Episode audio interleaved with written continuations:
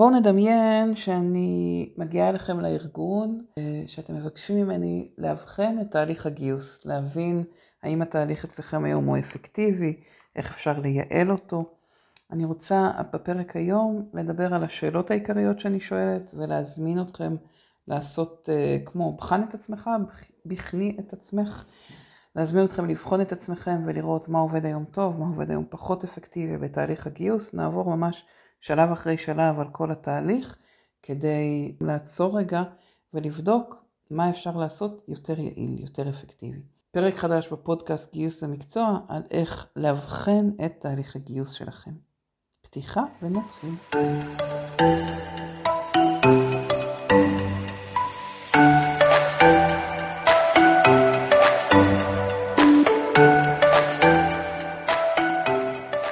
אז אולי גם אתם מנצלים את התקופה הזאת שיש קצת פחות גיוסים. אמנם בארץ עדיין יש אתגרי גיוס לא פשוטים, אבל אנחנו רואים בכל העולם ירידה בגיוסים, אה, וגם הרבה ארגונים שאני מדברת איתם בארץ, יש פחות עומס, יש קצת יותר ככה עצירה, חלק אפילו אה, ממש הקפאה של גיוסים, אבל בואו נגיד שברוב הארגונים המצב קצת יותר רגוע, וזה זמן מעולה לעצור ולבחון את תהליך הגיוס. אם עכשיו אנחנו בתקופה של רגיעה, זה אומר שבהמשך אנחנו נראה גם חזרה של עלייה, ולכן אנחנו רוצים לנצל את הזמן כדי לייעל היום את התהליך, כדי לבדוק מה עובד יותר טוב, מה עובד פחות טוב, כדי שתוכלו לשנות את תהליכי העבודה הפחות אפקטיביים, ולהטמיע תהליכים חדשים שישרתו אתכם בהמשך, כשהעומס יעלה. ובאופן כללי, כדי שהעבודה שלכם תהיה יותר אפקטיבית. הדבר הראשון שאני שואלת כשאני מגיעה לארגון, זה האם יש מערכת לניהול גיוס, ואני מבקשת להוציא לי דוח של כל המועמדים שנקלטו בשנה, שנתיים, כמה שיותר האחרונות. אה, לכל מועמד, מועמדת, אנחנו בודקים את מקור הגיוס, כך שאני אוכל עם הדוח הגולמי לבדוק שני דברים עיקריים. אחד, מה מקורות הגיוס שהיו המשמעותיים ביותר, מאיזה מקור גייסנו את הכי הרבה, ואיזה מקור היה הכי אפקטיבי במובן של כמות גיוסים מתוך כמות קורות חיים. אחד הדברים שקורים ביום יום ברוב הארגונים זה שמקבלים המון מועמדים, זה נותן לנו להרגיש שזה מקום, מקור גיוס מאוד חזק, אבל בעצם מקור גיוס חזק הוא זה ש... קיבלנו ממנו מעט מאוד מועמדים ועדיין גייסנו מהם הרבה. כלומר שהיחס בין כמות קורות החיים לכמות הגיוסים הוא הטוב ביותר. ברוב הארגונים זה חבר מביא חבר, אבל כמובן שיש וריאציות, ולכן שני הדברים שאני מציעה להתחיל בלבדוק אותם, זה מאיזה מקורות גייסנו הכי הרבה, ואיפה היחס בין כמות הגיוסים לכמות קורות החיים. אנחנו מסתכלים על הנתונים האלה ובודקים את מקורות הגיוס שלא משרתים אותנו, וזה אמור לאפשר לנו לשחרר אותם. כלומר, אם אתם מזהים היום מקורות גיוס שקיבלתם מהם קורות חיים בשנה, שנתיים האחרונות, אבל לא גייסתם מהם בכלל, הייתי מתחילה בלשחרר אותם מתוך התהליך, זה כבר יהפוך אתכם ליותר אפקטיביים. גם אם אתם רואים שיש מקורות גיוס שהעבירו לכם הרבה קורות חיים, אבל גייסתם מהם מעט מאוד מועמדים, או שהייתם צריכים לעבוד מאוד קשה בשביל אותם אה, אה, מועמדים שבסוף כן גייסתם, בהחלט אה, שווה לשחרר או לעשות עבודה על איך אפשר לדייק את קורות החיים מהמקורות האלה. כשאני מסתכלת על תהליך הגיוס בארגון, מעבר ללבחון את אפקטיביות מקורות הגיוס, אני מסתכלת ממש על התהליך. אנחנו עוברים שלב אחרי שלב. אני בודקת עד כמה הארגון הוא ארגון מגייס, כלומר כמה הארגון מעורב בלאתר מועמדים, בלראיין אותם, בלקלוט אותם. אה, כלומר, ארגון מגייס לא רק בחלק של חבר מביא חבר, אלא ארגון מגייס באמת בכל השרשרת הגדולה.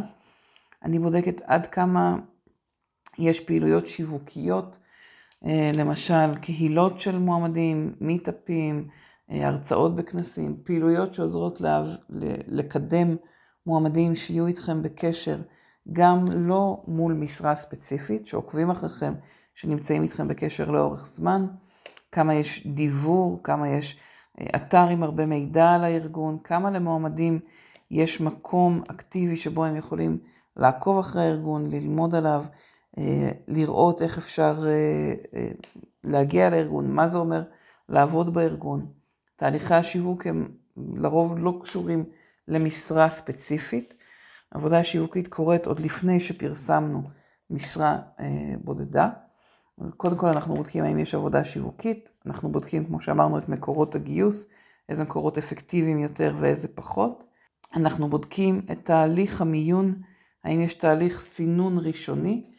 בארגונים שבהם תהליך הסינון הראשוני הוא ראיון טלפוני של צוות משאבי אנוש, אני בדרך כלל ממליצה לעצור ולשנות את התהליך, להפוך את התהליך לסינון או על ידי סינון אה, טלפוני של המנהלים, של הארגון, אבל אה, הרבה יותר אפקטיבי מזה, וזאת ההמלצה שלי היום אה, ברוב הארגונים שנכנסתי אליהם, היא סינון דיגיטלי ראשוני, סינון ללא מגע יד אדם.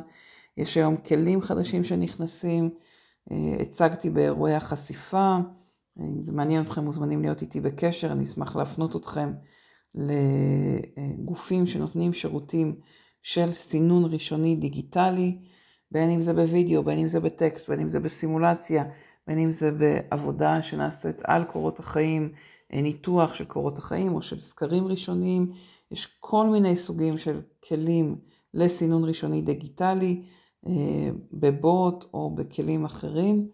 אני ממליצה מאוד להטמיע כאלה כלים במקום הרעיון הטלפוני הראשוני.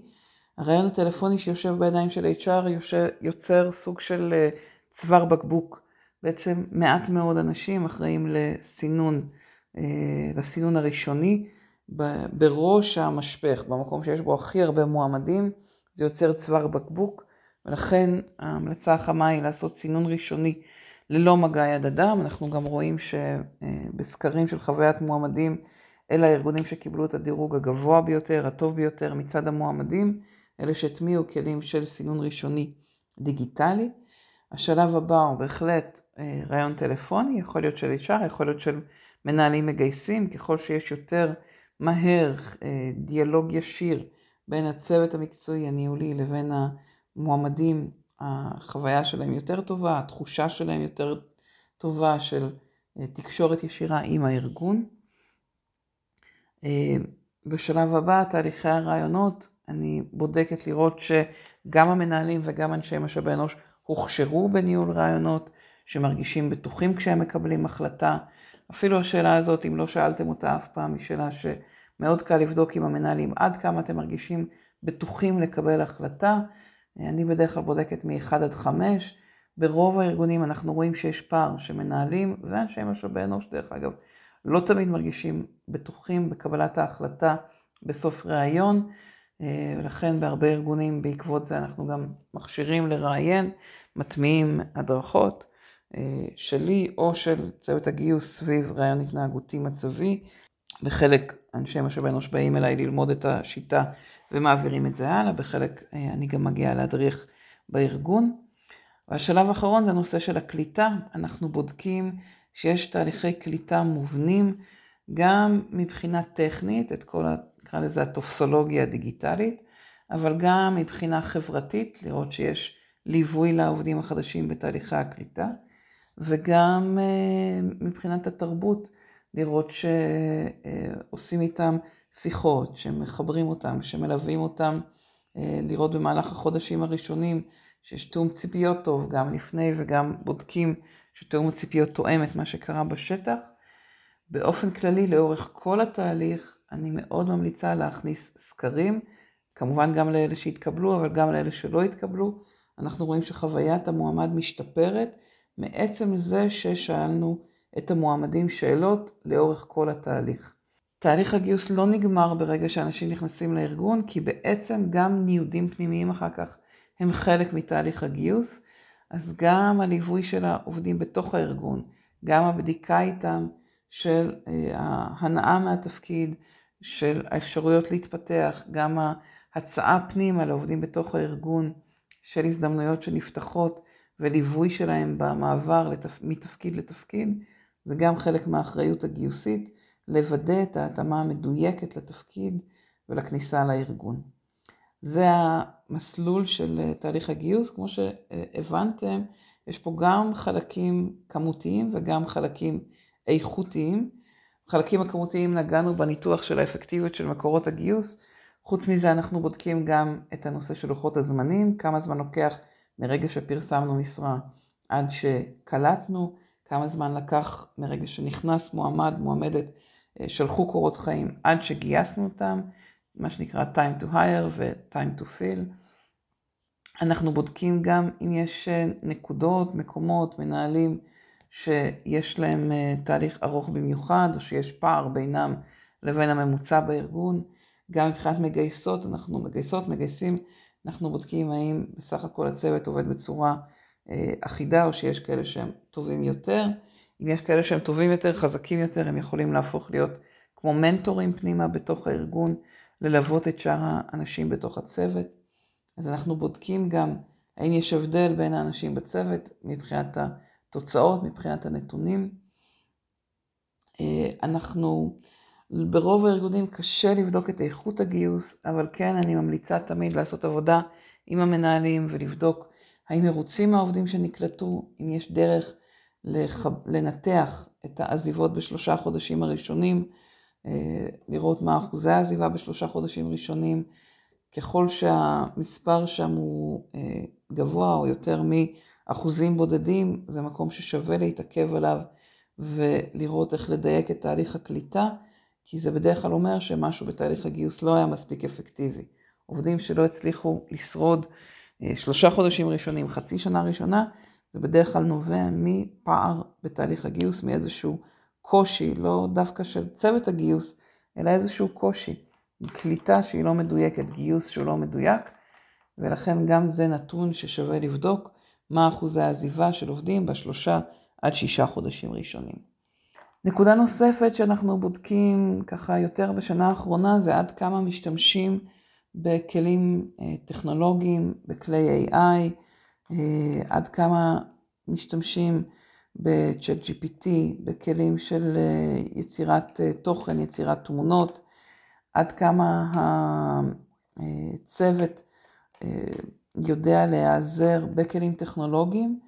הכלים האלה רק נכנסים יותר ויותר חזק, גם הופכים להיות חלק ממערכות ניהול הגיוס וגם כמובן כלים שזמינים בפני עצמם, ולכן כדאי לוודא שאתם מלמדים את הצוות איך לעבוד עם הכלים האלה, כי הם פשוט חוסכים זמן בצורה משמעותית, גם ביצירת מצגות, גם בניתוח נתונים קיימים, גם בקריאת חומרים, בקריאת PDFים, בתכנון תוכניות עבודה. יש המון כלים שזמינים אה, פרסמנו חלק מהם בוובינרים האחרונים שעשינו שבוע שעבר. ממליצה להיכנס, להקשיב ולהתחיל לעבוד עם הכלים האלה. אם הצוות שלכם לא עובד איתם היום, יש כלים חינמים, פשוטים, או כאלה שהם בעלויות יחסית מאוד נמוכות, מאוד מאוד כדאי להיכנס ולעבוד איתם, ובחלקם כלים שמערכות שכבר אתם עובדים איתם, כמו קנווה ומערכות אחרות, שחררו תוספים של אה, כלי AI, של כלי בינה מלאכותית, ממליצה לבדוק, לבדוק מה קיים, מה קיים במערכות ניהול הגיוס שלכם, לבדוק האם אתם עושים את השימוש האופטימלי במערכות הקיימות, כדי להצליח לשדרג אתכם.